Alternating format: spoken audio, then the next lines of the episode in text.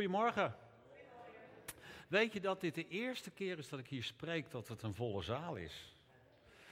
Uh, ik heb al een keer voor een camera gesproken, dag mensen op de camera. Uh, buiten in de tent natuurlijk en in een seminar. Dus ik vind het ook wel leuk om, uh, om wat meer mensen te zien. Voor sprekers is dat altijd heel leuk. En vooral als ze ook nog meedoen, dan is het helemaal leuk. Uh, voor degenen die mij niet kennen, ik ben Piet van Walsum, uh, samen met mijn vrouw Ina. Ik kan niet zonder haar, dus uh, gaat soms mee, niet altijd. En wij komen uit de buurt van Haarlem, dus dat is een eindje weg. Maar op de een of andere manier zijn we hier langzamerhand toch verbonden geraakt met deze mooie club. En ik heb ook enorm veel verwachting voor het komende seizoen. Jullie ook? Nou, ik heb mijn, mijn uh, tasje of mijn rugzakje zelfs meegenomen. Wie heeft nog meer een tas meegenomen? Daar was ik al een klein beetje bang voor dat een hele hoop dat niet hebben gedaan. Maar ik spreek voor jullie allebei, met of zonder tas. Ja, en ik ga je ook uitleggen waarom, want die tas die heeft een betekenis. En voor sommigen zal dat uh, een enorme bevrijdende dag worden. En voor anderen, die, ja, die hebben niet zo heel veel met wat er allemaal gebeurd is. Die zijn nieuw, er zijn een aantal nieuwe dopelingen bij met families. Dus voor hun zal het misschien niet zo heel erg veel betekenen. En toch geloof ik dat die boodschap ook voor jou is. Want het heeft natuurlijk alles ook met de doop te maken. Want de doop, zoals Betty dat al zo mooi uitlegde, je gaat van uh, het oude leven naar het nieuwe leven. En daar word je ook nog in gediscipeld. En daar heb ik het een beetje over vandaag, van oud naar nieuw. Dus ik hang even mijn tasje op, zo, mijn rugtasje. Uh, deze heb ik al heel lang overal mee naartoe genomen. Over de hele wereld reist hij met me mee. Oh, kijk, blijft die hangen? Nee. Nou, dan zet ik hem hier neer, dan zien jullie hem uh, een klein beetje. Ja, ik, uh, ik ben ook op vakantie geweest. En ik ben dan iemand die stapt dan gewoon in de auto met mijn vrouw en we gaan op reis. En we nemen ook ons tasje mee. maar toen wij in de auto stapten, konden wij niet vermoeden, en de tijd die. Dan moet ik even erbij zeggen voor degenen die mij niet goed kennen. Ik werk heel veel in Afghanistan, al zes jaar. Zes jaar kom ik daar, reis ik heen en weer. En we hebben daar een heel mooi werk opgezet. We hebben daar zo'n vijf trainingscentrums. we hebben daar bedrijven opgezet, we hebben zorgprojecten opgezet met uh, schitterende tuinen en waar weduwen uh, uh, leren om zelf hun eten te verbouwen. We hebben een kippenproject, nou, en zo kan ik al een poosje doorgaan. En in die vijf, zes jaar tijd hebben we ook een krachtig werk onder christenen op mogen zetten. We kenden een paar christenen en daar zijn we mee begonnen. En dat zijn ja, iets van meer dan duizend huiskerken geworden in die zes jaar tijd.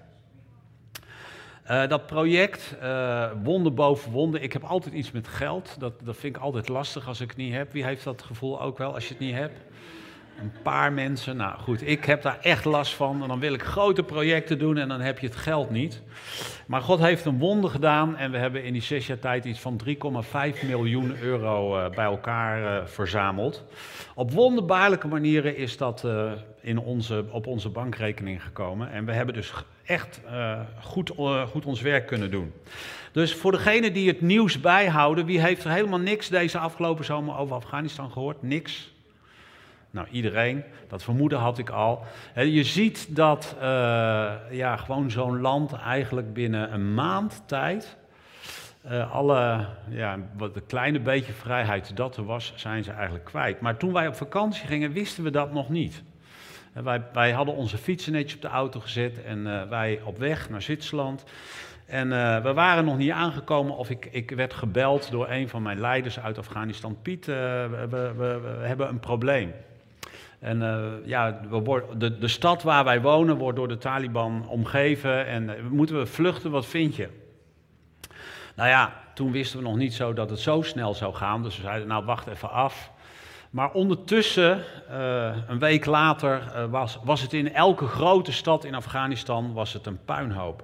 En we werden overal gebeld. Dus, dus eigenlijk mijn vakantie is ja, een soort half in het water gevallen door al die verschrikkelijke berichten. Uh, op een gegeven moment hoorden wij dat onze centra werden, ja, er komt de Taliban binnen, vernietigt alles, maakt alles kapot, omdat wij een stichting zijn. Alleen daarom. Eh, we hoorden dat mensen in elkaar geslagen werden. We hoorden van heel veel verkrachtingen. Eh, nou, en ik kan een hele lijst. In drie weken tijd was ons hele werk eigenlijk tot bijna niks meer overgebleven. Heb je dan enig idee wat er met je gebeurt als leider? Je bent toch eindverantwoordelijke. Wat gebeurt er dan met je? Nou, ik was super boos. Nou, nou, ben ik christen, dus ik mag niet haten. Maar ik moet je zeggen, dat kwam wel regelmatig in mij op. Uh, wij, we hadden een paar hele goede auto's voor ons werk en die waren gewoon gestolen. Uh, we hadden computers die gewoon weggepakt werden. Uh, dus, dus eigenlijk alles wat we opgebouwd hadden, zagen wij in twee, drie weken tijd totaal voor de zon verdwijnen. Heb jij die eerste foto, Ben? Gaat dat lukken? We gaan even kijken naar een foto. Kan iemand mij vertellen wat je hier ziet?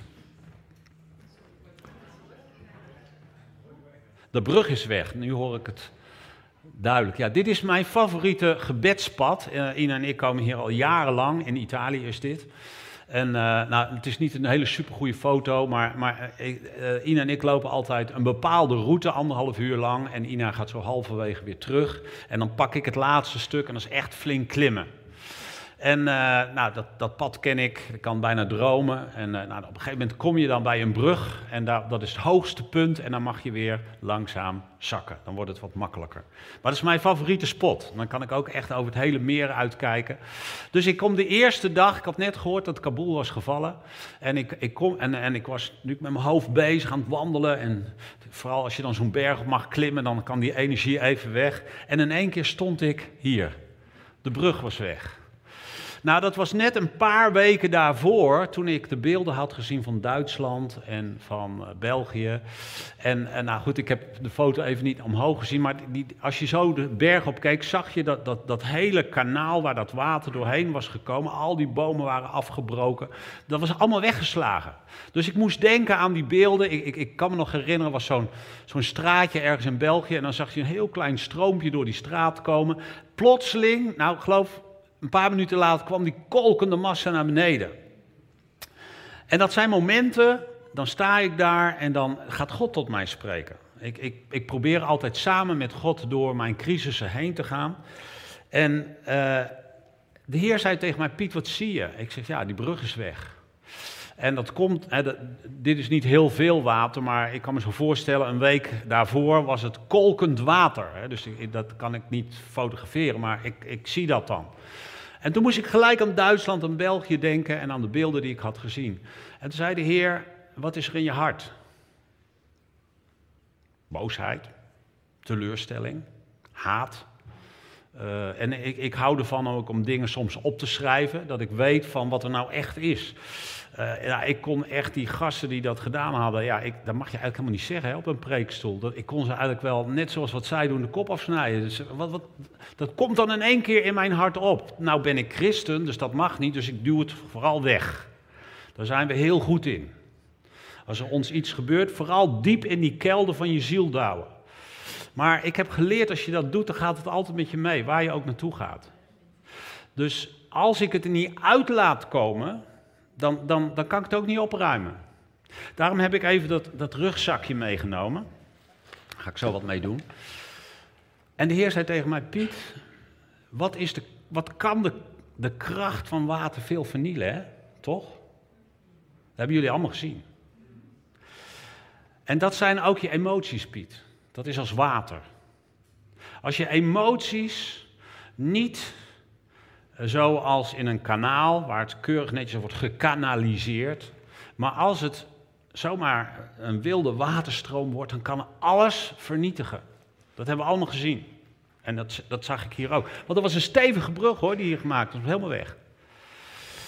En toen zei ik, heer, wat is dan de oplossing? En toen zei hij, mag ik jouw elektriciteitspowerplant zijn? Ik weet niet of je dat wel eens gezien hebt in die landen waar ze die grote dammen bouwen. En dan hebben ze dan zo'n zo'n soort waterkoker uh, waar al dat water in dondert letterlijk met geraas. En dan gaat dat die machine in en daar zit een soort turbine in. En die turbine, wat maakt die daarvan? Kracht. Power. Power plant noemen ze het ook wel eens. En toen zei ik, heer, wat, wat, wat bedoelt u daarmee? En toen zei de heer Piet, dat water, dat kun je slecht gebruiken. Dat kan alles vernietigen. Maar als je door mij heen laat gaan, dan kan het kracht worden. En eigenlijk ben ik al bijna klaar met mijn boodschap. Want dat is de keuze die jij en ik kunnen maken. Wij hebben een vrije keuze om elk event, elke gebeurtenis die in ons leven gebeurt, of dat nou dat in elkaar geslagen wordt, of verkracht worden, of de buurman die doet lelijk tegen ons, of op mijn werk gebeurt er iets, ik word onterecht ontslagen. In een kerk is er iemand boos op mij die zegt dingen die helemaal niet kloppen. Het maakt niet uit, maar dat kan een wilde rivier in je ziel worden, die alles vernietigt. En ook je kerk vernietigt. Maar als jij weet hoe je bij God moet komen en naar die powerplant je woede en boosheid, verdriet, teleurstelling kan laten gaan, dan zul je zien dat het een kracht kan worden. In mijn leven is het een kracht geworden. Ik stond daar, mag ik even de volgende foto ben. Ik stond daar aan de andere kant met Ina een paar dagen later. En uh, het is zo'n foto die dan live is en dat is twee, drie seconden en dan herhaalt hij zich. Maar uh, hij is niet heel mooi, maar goed, ik, ben, ik sta met mijn opschrijfboekje aan de andere kant van uh, waar ik eerst stond. En ik ben op gaan schrijven wat ik allemaal in mijn hart voelde. Ik heb dat als een propje in het water gegooid en dat ging naar beneden. Nou, ik heb een paar van die dingen even in mijn tasje gedaan. Want, want sommige mensen nemen dat rugtasje zonder dat ze dat weten. Dat hebben ze op hun schouder hangen. Nemen ze overal mee naartoe. Er gebeurt iets met je, maar zonder dat je het weet, zit dat. Wat gebeurt, zit in dat rugzakje, dan neem je mee. Ik, wil even kijken of je er een paar herkent. Ik heb er zomaar wat opgeschreven. Even kijken wat erin zit. Nou ja, één noemde ik al geldzorgen geldzorgen. Dat kun je altijd met je meenemen. God zegt, wees niet bezorgd, maar toch doe je het. Och, dit, is een, dit, is een, had ik eigenlijk liever niet erin willen doen, maar dat is echt een enorm drama voor mij. Vroeger heb ik eens een keer iets echt heel slechts gedaan. Vroeger heb ik zonden gedaan, die ik nu niet meer zou doen. Ik krijg er ook al een soort schaamrood van als ik eraan denk. Maar ik kan mezelf eigenlijk niet vergeven. Ik neem het nog steeds mee dat ik dat toen zo stom geweest ben dat ik dat gedaan heb. Ik neem het mee, maar ik heb het nooit opgelost. Het, zit, het is ook stiekem, niemand weet het. Ja, ik heb in mijn leven veel verdeeldheid gezien. Mensen die elkaar pijn doen. Mensen die dingen zeggen die, die iemand afbreken. En ik heb ook in kerken dat veel gezien.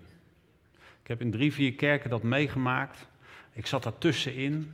En ik, ik, ik, ik ging kapot. Ik zag twee broeders tegen elkaar schelden en lelijke woorden zeggen. En dat zit nog steeds in mijn hoofd. Dat neem ik ook mee.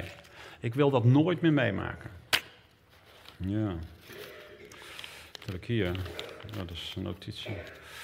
Oeh, ja, dat is ook zo eentje. Ja, zuster Annie heeft dit ooit een keer over mij uitgesproken, maar het klopt helemaal niet. Ik ben eigenlijk hartstikke boos op zuster Annie. Ik hoop niet dat hier trouwens een zuster Annie zit, maar dat zal toch gebeuren. Zit er eentje hier? Oh nee, dat had ik niet zo bedoeld. Wie is dat? Vergeef mij. Sorry, sorry zuster Annie, dat was niet de bedoeling.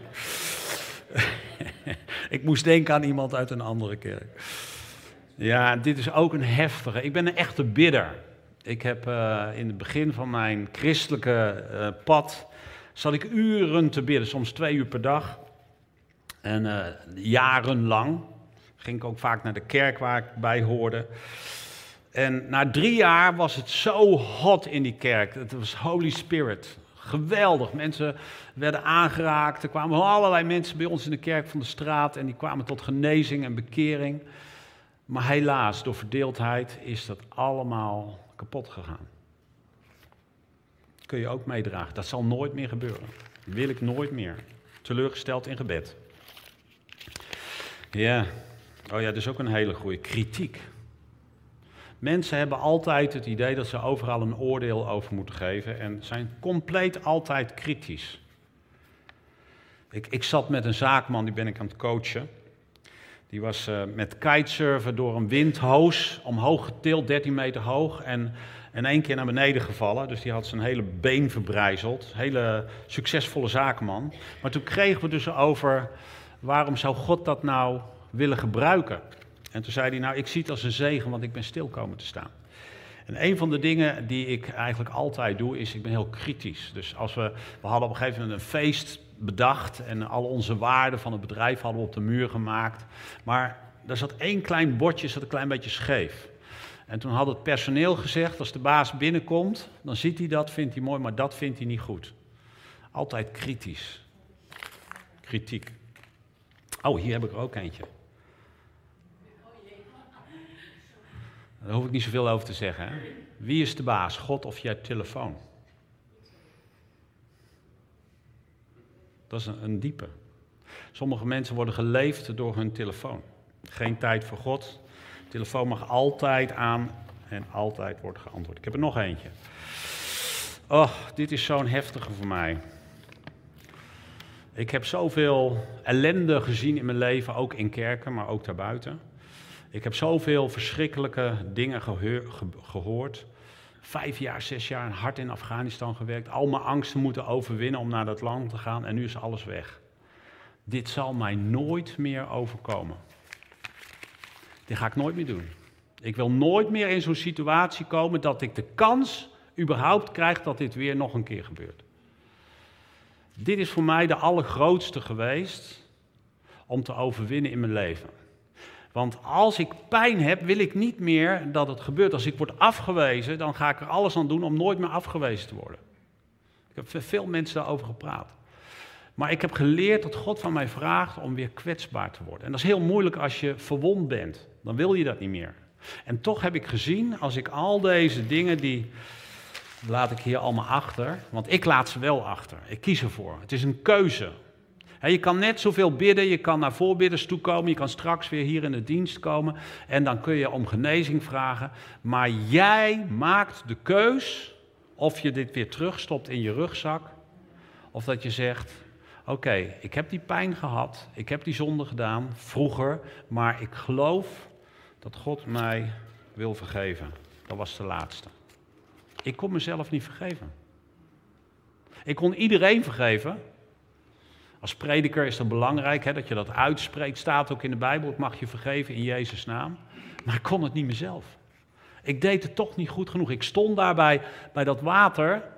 En het eerste wat ik dacht, zie, dat is mijn schuld. Dat de Taliban dat hele land overrompelt. Dat is mijn schuld. Ik heb niet genoeg gebeden. Dat komt in me op, weet je. Ik, ik heb nog steeds een soort oude natuur, ondanks dat ik gedoopt ben. Maar toch komen er soms in mijn leven dingen op die mij eigenlijk beroven van de droom die God mij heeft laten zien. Nou, voor degenen die een tasje of een koffer of iets meegenomen hebben, dan zou ik je willen vragen, er is weinig tijd voor, want er is een doopdienst en zo, dus, dus er gebeuren van allerlei dingen. Ik zou je toch willen vragen om deze week eens te kijken, wat zit er in jouw tasje? Wat haal jij eruit? Wat laat God je zien? En doe het ook echt. Je mag het ook nu doen terwijl ik spreek. Je mag dingen opschrijven als je papier bij je hebt. Stop het er even in.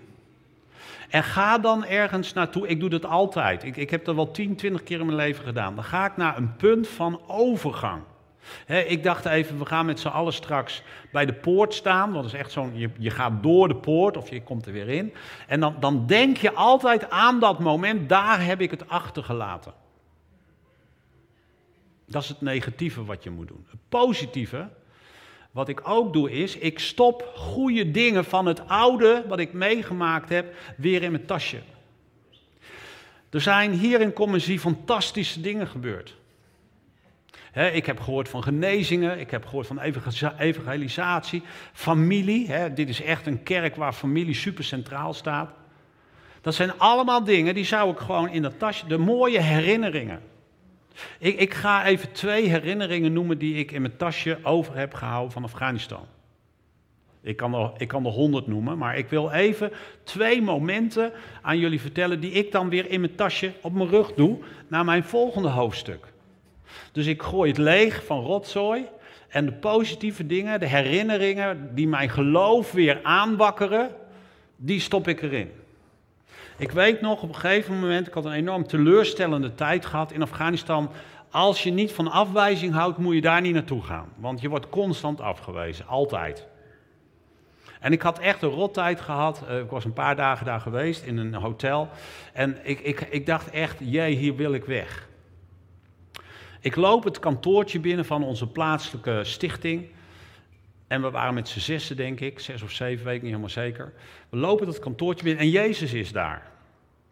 Ik weet niet of je dat wel eens meegemaakt hebt, maar dan voel je gewoon, ik zag hem niet, maar je voelde gewoon, Jezus was daar. wij zingen dat vaak van Heer, kom en, en zo, maar wij kwamen bij hem binnen. En niemand kon wat zeggen, dus we begonnen allemaal te huilen. Ik viel op mijn knieën en ik geloof dat ik daar ongeveer een half uur gelegen heb. En ik, ik had geen flauw idee wat die anderen allemaal meemaakten. Maar ik hoorde een snik hier en een snik. Maar ik was zo met Jezus bezig. En later, toen we dat tegen elkaar vertelden, toen, toen had iedereen een soort gelijke ervaring. En wat wij zagen was dat op die heuvels waar dat kantoor stond, daar stonden duizenden mensen.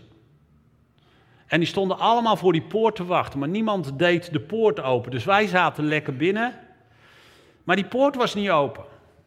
En, en, er waren drie of vier mensen in die groep die datzelfde beeld zagen. We zagen allemaal duizenden mensen op de heuvels die naar binnen wilden, maar niemand deed de poort open. En plotseling, in dat visioen, zag ik zelf, maar ook anderen, daar was een, man. En dat bleek Jezus te zijn. Dat was een heel, gewoon, simpel uitziende Afghaanse man. Die liep naar de poort. Later bleek het Jezus zijn. Deed de poort open. En die mensen stroomden naar binnen. Nou, dat is gebeurd. Er zijn duizenden mensen het koninkrijk binnengekomen. Dat vergeet ik nooit meer. Dus dat zit in mijn tasje. Ik moet weer half voel mijn emoties al. Weet je, dat, dat zijn herinneringen die helpen mij om volgend hoofdstuk te beginnen. Ja, ik ben alles kwijt, maar ik weet, God, u roept mij voor Afghanistan en zodra ik maar even de kans heb, dan ben ik weer bezig. De teleurstellingen en de ellende en wat ik kwijtgeraakt ben, zal mij niet beheersen. En ik hoop dat dat ook in jouw leven zo is met wat jij meemaakt. Het tweede, dat is zes weken geleden. Dus ik vertel allemaal dingen die kort gebeurd zijn. Dus dit zijn niet dingen van 30 jaar geleden, maar van zes weken geleden. Een van mijn leiders werd beschuldigd van uh, discipelen maken. Dus mensen uit de islam voor het christelijk geloof winnen. En hij werd verraden. In uh, Afghanistan staat daar de doodstraf op. En om even aan te geven, uh, ik, ik, ik, ik ken de jongen heel erg goed. Ik weet dat het een super bang iemand is. Hij is heel angstig, hij is altijd bang dat hij verraden wordt. Nu werd hij verraden. En hij moest voor zes mannen komen die niet geïnteresseerd waren om hem te veroordelen. Ze wilden alleen heel veel geld van hem. Nou, als je bij een buitenlandse NGO werkt, dan heb je veel geld, denken ze. Dat is niet zo, maar dat, dat denken ze. Dus hij moest voor, voorkomen en hij moest beoordeeld worden en dan zou hij naar het Hoge Gerechtshof gestuurd worden. En dan zou de dood staan te wachten. Hè? Dat, is, dat, dat wisten we allemaal. Dus hij komt daar binnen en hij legt zijn verhaal uit en hij ontkent dat het allemaal niet waar is wat er wordt gezegd. En dat was ook zo. En hij moest vier keer terugkomen. En de, de, eigenlijk wat die zes mannen zeiden is, als je 65.000 euro geeft, dan spreken we je vrij. Dat is het rechtssysteem in Afghanistan. Of je het nou wel of niet gedaan, maakt niet uit, maar je moet gewoon dat geld betalen. De vierde keer kwam hij binnen, stond een man op en die zei, heb je de 65.000 euro? En mijn eh, vriend zei, nee, die heb ik niet, want ik heb niks kwaads gedaan. En toen begon die man te schelden en hij zei, ik moet weg, uh, ik moet iets heel belangrijks doen. En toen zei mijn vriend, door de Heilige Geest, hij wist niks van die man, hij kende die man niet. Hij zei, je gaat nu naar Kabul om je moeder daarheen te brengen, want die ligt op sterven. En je moeder kan niet meer lopen. En een paar weken geleden heb je een bed gekocht, een matras. Maar dat bed heb je gekocht van mensen die jij uh, een steekpenning hebt gevraagd in de rechtszaak. En daar heb je dat bed van gekocht. Dus die man, snap je dat, wat, wat er gebeurt? er zitten zes getuigen bij. die man die, die flipt helemaal, die gaat uit zijn, uit zijn dak en die wordt heel boos op mijn vriend. De advocaat wordt boos op mijn vriend, want zoiets moet je niet doen als iemand jou gaat veroordelen. Dus er was een soort peacemaker in die zes mensen, die staat op en die probeerde de zaak te kalmeren. En toen stond mijn vriend weer op door de Heilige Geest en die zegt: Ja, jij moet ook je mond houden, want jij bent voor de tweede keer getrouwd. Je eerste vrouw heb je twee dochtertjes bij en de, de, de vrouw waar je nu mee woont, die andere heb je gescheiden, die heeft een jongetje. Wil je nog meer horen? Nee, zegt hij, hou je mond. En ga nu weg. Dus hij moest weg en alle zes wilden hem tot de dood veroordelen. Een dag later wordt hij opgebeld door de eerste man, mijn vriend, en die zegt, moet je spreken. Dus ze hebben elkaar in het dorp ontmoet. En hij vertelde, hij zegt, jij bent een man van God. Hoezo dan? zei mijn vriend. Nou, ik kwam gisteren in het ziekenhuis naar de rechtszaak en mijn moeder was er niet meer. Dus ik dacht, mijn moeder is overleden. Dus ik begon te huilen en ik vroeg aan de dokters en de verpleegsters waar moeder was. Maar niemand wist waar ze was. Dus uit pure wanhoop ging ik naar mijn broer, die zou meegaan met onze moeder om die naar het belangrijkste ziekenhuis in Kabul te brengen. Ik loop daar binnen en mijn moeder zit aan de tafel, kerngezond. Dus ik vroeg, wat, dus mijn vriend vroeg, wat is, waarom, wat, wat is er gebeurd? Nou, zegt hij, er was een dokter, een nieuwe dokter in het ziekenhuis. En die was helemaal in het wit gekleed, hele mooie kleding had hij aan, had lang haar. En hij, en hij zei tegen mijn moeder dat ze beter was. Maar mijn moeder zei, ik ben helemaal niet beter, ik voel me heel ziek. Ze had ook covid. Nou zegt hij, kom maar uit het bed, dan, dan zul je zien dat je beter bent. En ze kon niet lopen. Dus zij gooit haar beentjes over het bed heen. En zij raakte de grond aan en ze was compleet genezen. Kijk, dat stop ik dan in mijn zakje. Dat ik weet, God leeft, Jezus leeft en soms doet hij zulke wonderen. Ik wou dat hij dat elke dag deed, maar in ieder geval, de keren dat ik denk aan de grootheid van God, dan heb ik een hele hoop van dat soort verhaaltjes in mijn rugzak. Die neem ik mee. Dus het is niet alleen maar slecht wat daar gebeurt. Er zijn ook van die parels die ik meeneem. En dat wil ik dat in mijn hoofd zit als ik de volgende keer weer met deze Afghanen bezig ben. Heb je het? Nou, dat was eigenlijk het belangrijkste. Maar ja, er zijn natuurlijk ook mensen die willen graag een tekst, dus die ga ik ook nog lezen. Ik, ik, ik denk de twee teksten die ik lees, dat dat een profetisch woord is voor jullie als commensie. Dus ik lees het niet als een soort bijbeluitleg, maar ik geloof echt dat deze twee woorden voor deze tijd zijn, maar speciaal voor jullie gemeente. Dus hou je vast. We hebben gisteren een hele leuke puzzeltocht gehad. De dames hebben alles gevonden, de heren niet. Maar ze kwamen niet op de tekst, Margriet. Dat is wel jammer. We hadden van jou verwacht hè, dat jij dat toch had zullen vinden. Maar we moeten dat toch wel een beetje vermelden. Maar jullie hebben gewonnen. Dus, dus in die zin. De tekst is te vinden in Handelingen 16, vers 6. Je zult misschien afvragen waarom deze tekst, dat ga ik uitleggen. Ik lees hem eerst voor, Handelingen 16, vers 6. Ze trokken door Frigië en de landstreek Galatië, omdat ze door de Heilige Geest werden verhinderd Gods woord in Azië te verkondigen. Toen ze bij de grens van Mysië kwamen, wilden ze doorreizen naar Betinië. Maar daar stond de geest van Jezus hun niet toe. Daarom trokken ze door Mysië tot ze de kust bereikten en in Troas aankwamen. Even tot zover. Er staat twee keer dat de geest hun verhinderde. Heeft iemand hier een idee hoe de geest dat deed? Steek even je hand op, dan geef ik je even de, de, de ruimte om wat te vertellen. Wie heeft een idee? Nou, ik dacht dat jullie gewoon veel bijbelvasten waren. Wat is dit nou? Niemand een idee? Ik ook niet. Er, er staat niet bij hoe de Heilige Geest dat nou deed. Hè? Van, ik heb wel een idee, dit is niet een theologische uitleg wat ik nu geef. Ik denk dat er gewoon niemand tot geloof kwam. Er gebeurde helemaal niks, geen wonderen, niemand luisterde. Het was gewoon niet de bedoeling dat Paulus op de een of andere manier door zijn prediking, want overal waar hij kwam stonden mensen open om te luisteren, maar daar denk ik niet. Dat is zomaar een idee wat ik heb. Dus je mag daar van mening verschillen, vind ik helemaal niet erg. En ik, ik hoor graag als je een beter idee hebt.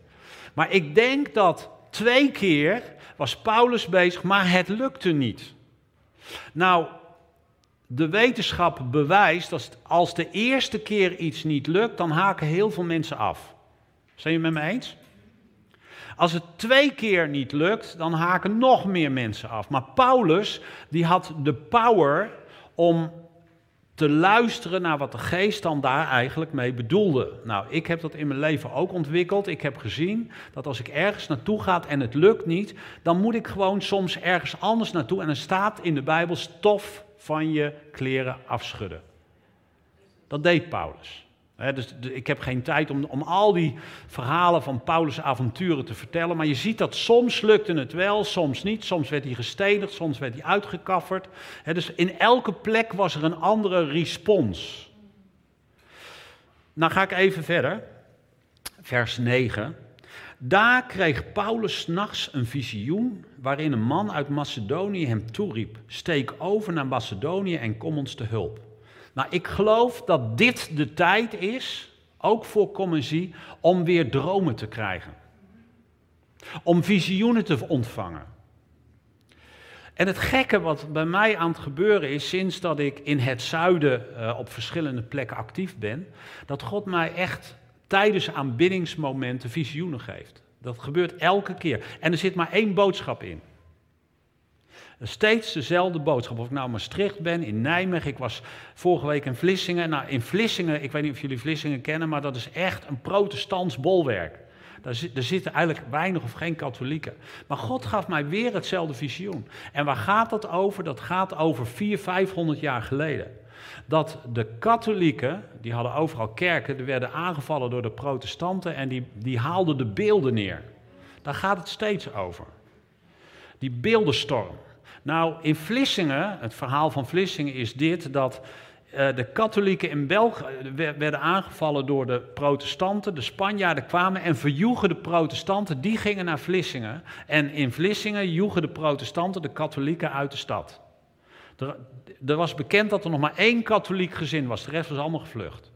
Daar gaan mijn visioenen over. Dus ik, ik ga even verder. Er staat hier, Paulus die kreeg een visioen en hij werd geroepen om naar de overkant te komen. Vers 10. Toen dat visioen had gezien, wilden we meteen naar Macedonië vertrekken, omdat we erop, uh, dat we erop um, opmaakten dat God ons geroepen had om aan de mensen daar het evangelie te verkondigen. Dat is de eerste tekst die ik wilde voorlezen.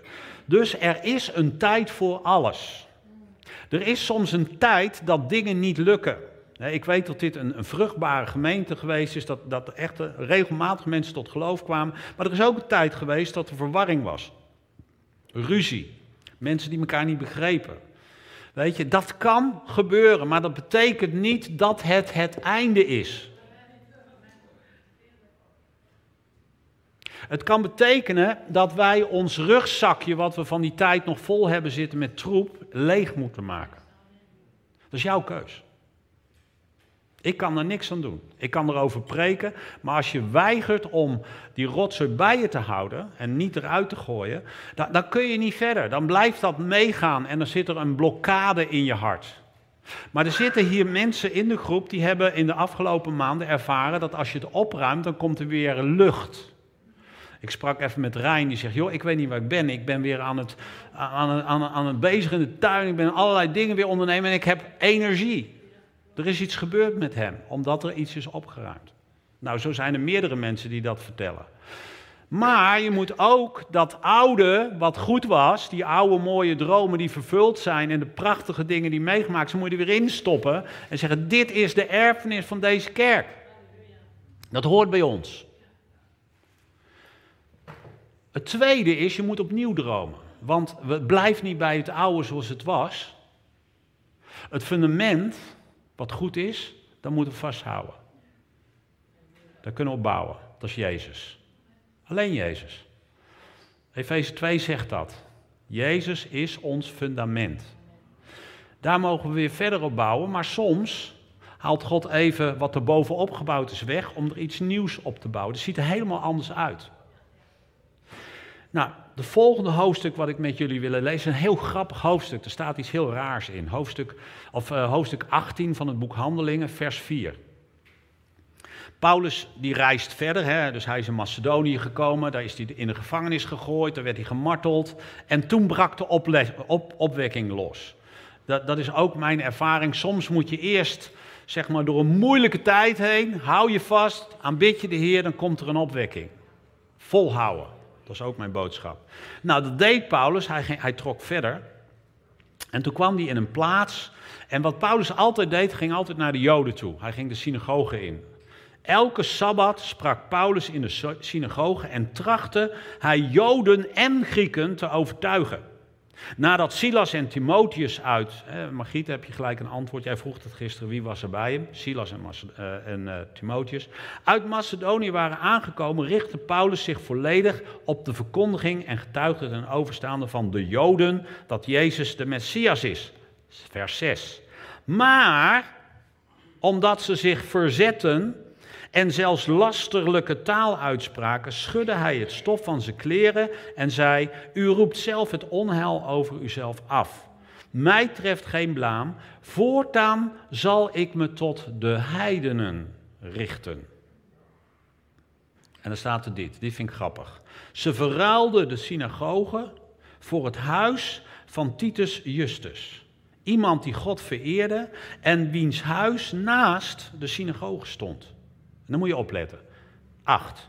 Crispus, een leider van de synagoge, aanvaarde echter samen met al zijn huisgenoten het geloof in de Heer. En ook vele Corinthiërs die Paulus had gehoord, gingen over tot het geloof en lieten zich dopen. Daarom dacht ik, dat is een mooi tekst voor vandaag.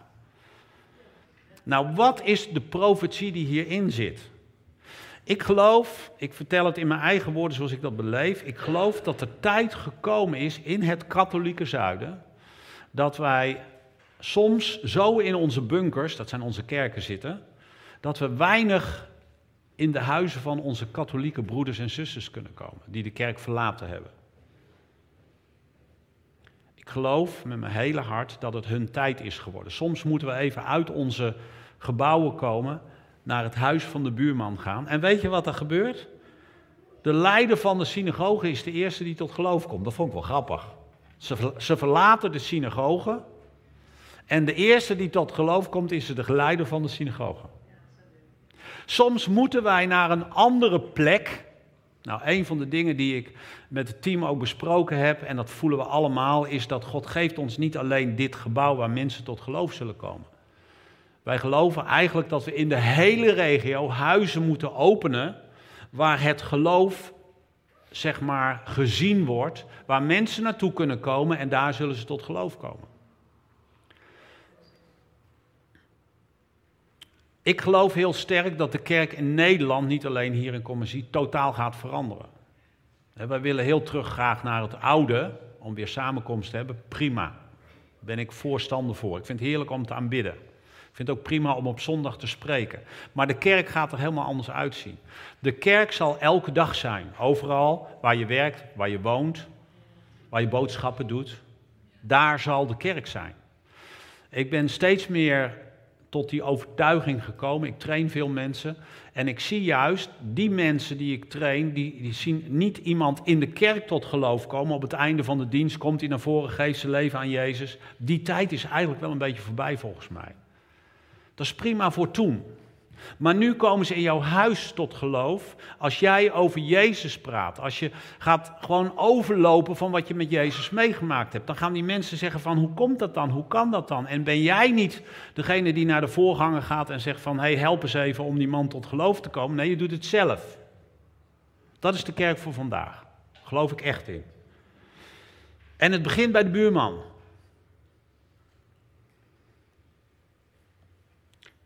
Tot slot, de rugzak. Weet je, er is natuurlijk een, een, een nieuw leidersteam gekomen. Die zijn alweer een poos uh, bezig om de volgende fase uh, visie te ontwikkelen. Maar je kunt in die rugzak nog steeds gedacht hebben: ja, maar leiders, kan ik die nog wel vertrouwen? Het is even voor de mensen die al lang in commissie zitten er is zoveel niet goed gegaan. Kan ik ze nog wel vertrouwen? Als dat in je rugzak zit, is dit een goed moment vandaag om te zeggen: daar stop ik mee. Dat is een keuze. Dat is niet een gevoel, want dat gevoel dat zal je altijd blijven achtervolgen. Het kan altijd pijn doen. Ik heb het zelf ook meegemaakt dat ik eigenlijk het geloof in mijn leiders kwijt was. En toch heb ik gekozen om te zeggen: Heer, dat is me overkomen. Ik, ik wil het een nieuwe kans geven. Ik wil weer me helemaal opnieuw geven. En, en als het weer fout gaat, dan zou ik weer moeten vergeven. Dat risico loop je. En het zal misschien ook wel weer fout gaan. Maar toch heb ik geleerd, doordat ik die keus gemaakt heb, dat het niveau waarop ik zelf kom groeit. Ik zie veel meer vrucht op mijn leven doordat ik die keus gemaakt heb in het nieuwe fase te stappen. Zie ik veel meer en makkelijker zie ik dingen gebeuren. Het is echt niet te geloven. Ik doe hetzelfde, maar het lijkt wel alsof ik vruchtbaarder ben geworden. En staat dit niet in Johannes 15, waar Jezus zegt: je moet gesnoeid worden. Niet één keer, niet twee keer, drie keer, zodat je vrucht blijvend is. En dat heb ik in mijn leven gezien, doordat ik die rugzak elke keer bij elke crisis leeg maak. Ik stop de goede dingen erin.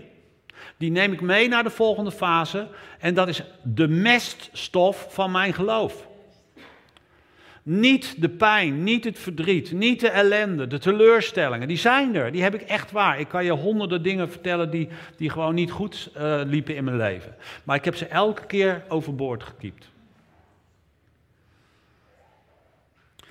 Ik keek nog even naar het verschil tussen het Oude Testament en het Nieuwe Testament in mijn preek die ik de laatste keer heb gehouden. En daar zie je dus dat Mozes als leider een heel volk meeneemt naar het beloofde land.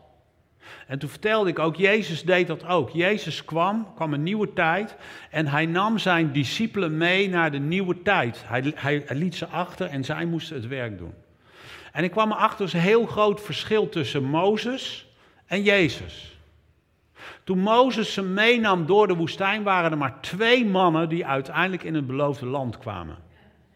Is je dat wel eens opgevallen? Het was natuurlijk fantastisch dat ze in dat nieuwe land kwamen, maar er waren maar twee die ooit in Egypte waren geweest. De rest is allemaal gestorven door allemaal ellende. Maar de club van Jezus was er maar één die zichzelf ophing, dat was Judas. Petrus had hem verlogend en de tien anderen waren gevlucht toen hij aan het kruis hing. Dus die waren ook even weg. Maar toen Jezus weer was opgestaan, de eerste mensen die die bezocht waren die verraders. Wat had Jezus in zijn tas wat Mozes niet had? Genade. Genade. Genade voor jezelf. Dat je niet goed genoeg bent. Genade voor de ander die jou pijn heeft gedaan. Genade voor de kerk die jou teleurgesteld heeft. Een vergevende Jezus die mensen zoals jij die gefaald hebben een nieuwe kans geeft. Mensen zoals mij. Als ik die Jezus niet in mijn rugzak toelaat, kan ik mezelf helemaal niet vergeven. Dan ga ik eraan kapot. Maar als ik hem in die rugzaak even laat rommelen en de rotzooi eruit haalt en hij mij daar aanraakt, dat ik zo teleurgesteld ben. Mijn vrouw is een soort Jezus voor mij. Ik heb een paar keer goed de, de, de, de plank misgeslagen. En ik kon mezelf absoluut niet vergeven. En ik schaamde me om in haar tegenwoordigheid te zijn. En dan was zij degene die zei: Piet, ik vergeef je. En echt met haar hele hart. Ik kon Jezus niet zien, maar kon wel mijn vrouw zien. En toen wist ik, dit is wat Jezus bedoelt. Iemand die mij onvoorwaardelijk lief heeft. En natuurlijk is dat altijd God. Die wil jou onvoorwaardelijk lief hebben. Hij kijkt niet alleen maar naar je fouten. Hij kijkt juist naar wie jij bent, zijn geliefd kind. Hij kijkt naar jou als erfgenaam. En al doe je dat struikelend of vallend, hij richt je op. Alleen doe je dat voor jezelf. Ik preek een beetje voor mezelf vandaag. Ik ben iemand, ik kan mezelf zo moeilijk vergeven. Als iets niet goed gegaan is. En dan denk ik weer, Piet, denk aan je tasje. Maak hem leeg. Begin met één, twee, drie dingen. Gooi het eruit. En dan ga ik weer naar zo'n punt die ik nooit meer kan vergeven en dan kiep ik ze daar eruit. En dan ga ik ook weer nieuwe dingen erin doen. Of oude dingen die goed geweest zijn. En die neem ik mee naar mijn volgende fase. Het is heel mooi dat we zo een doopdienst hebben. Voor degenen die dat zien, als je dat water ingaat. Het is even geen tijd om dat nu te doen, maar besef even, ik ga dingen achter me laten. Mijn oude leven. Dingen die fout gegaan zijn of dingen die mij overkomen zijn. Die laat ik achter. En ik sta uit dat water op en dan ben ik een nieuw mens. Ik wilde zo graag gedoopt worden. Ik had alleen één nadeel, want het water was super koud. Dus ik wilde er ook weer gauw uit, maar zo koud het water. De verwarming deed het toen die dag niet. Maar toch weet ik, wat ik daar deed was geestelijk. Ik herinner me het koude water, maar wat ik nog meer herinner was, daar is mijn nieuwe leven begonnen. Ik heb wel eens gehoord van mensen die zich dan nog eens een keer laten dopen omdat er van allerlei gebeurd is. Als je dat wil doen, doe dat gewoon. Dat maakt me niet uit. Maar waar het om gaat is wat toen gebeurd is. Soms moet dat eigenlijk een soort opnieuw gebeuren. Ik heb het niet over opnieuw in het water gaan. Maar wat ik eigenlijk bedoel is, er zijn momenten dat je eigenlijk terug moet denken aan je doop, je nieuwe schepping. En dan wordt dat ja, door de ervaringen van het dagelijkse leven even bevuild. En heb je een soort nieuwe ontmoeting met Jezus nodig om weer helemaal vrij te worden. Van al die ellende, al die verdriet, al die pijn, al die boosheid, al die haat. Laat dat vandaag zo'n dag zijn. Ik ga afsluiten, ik wil graag voor jullie bidden.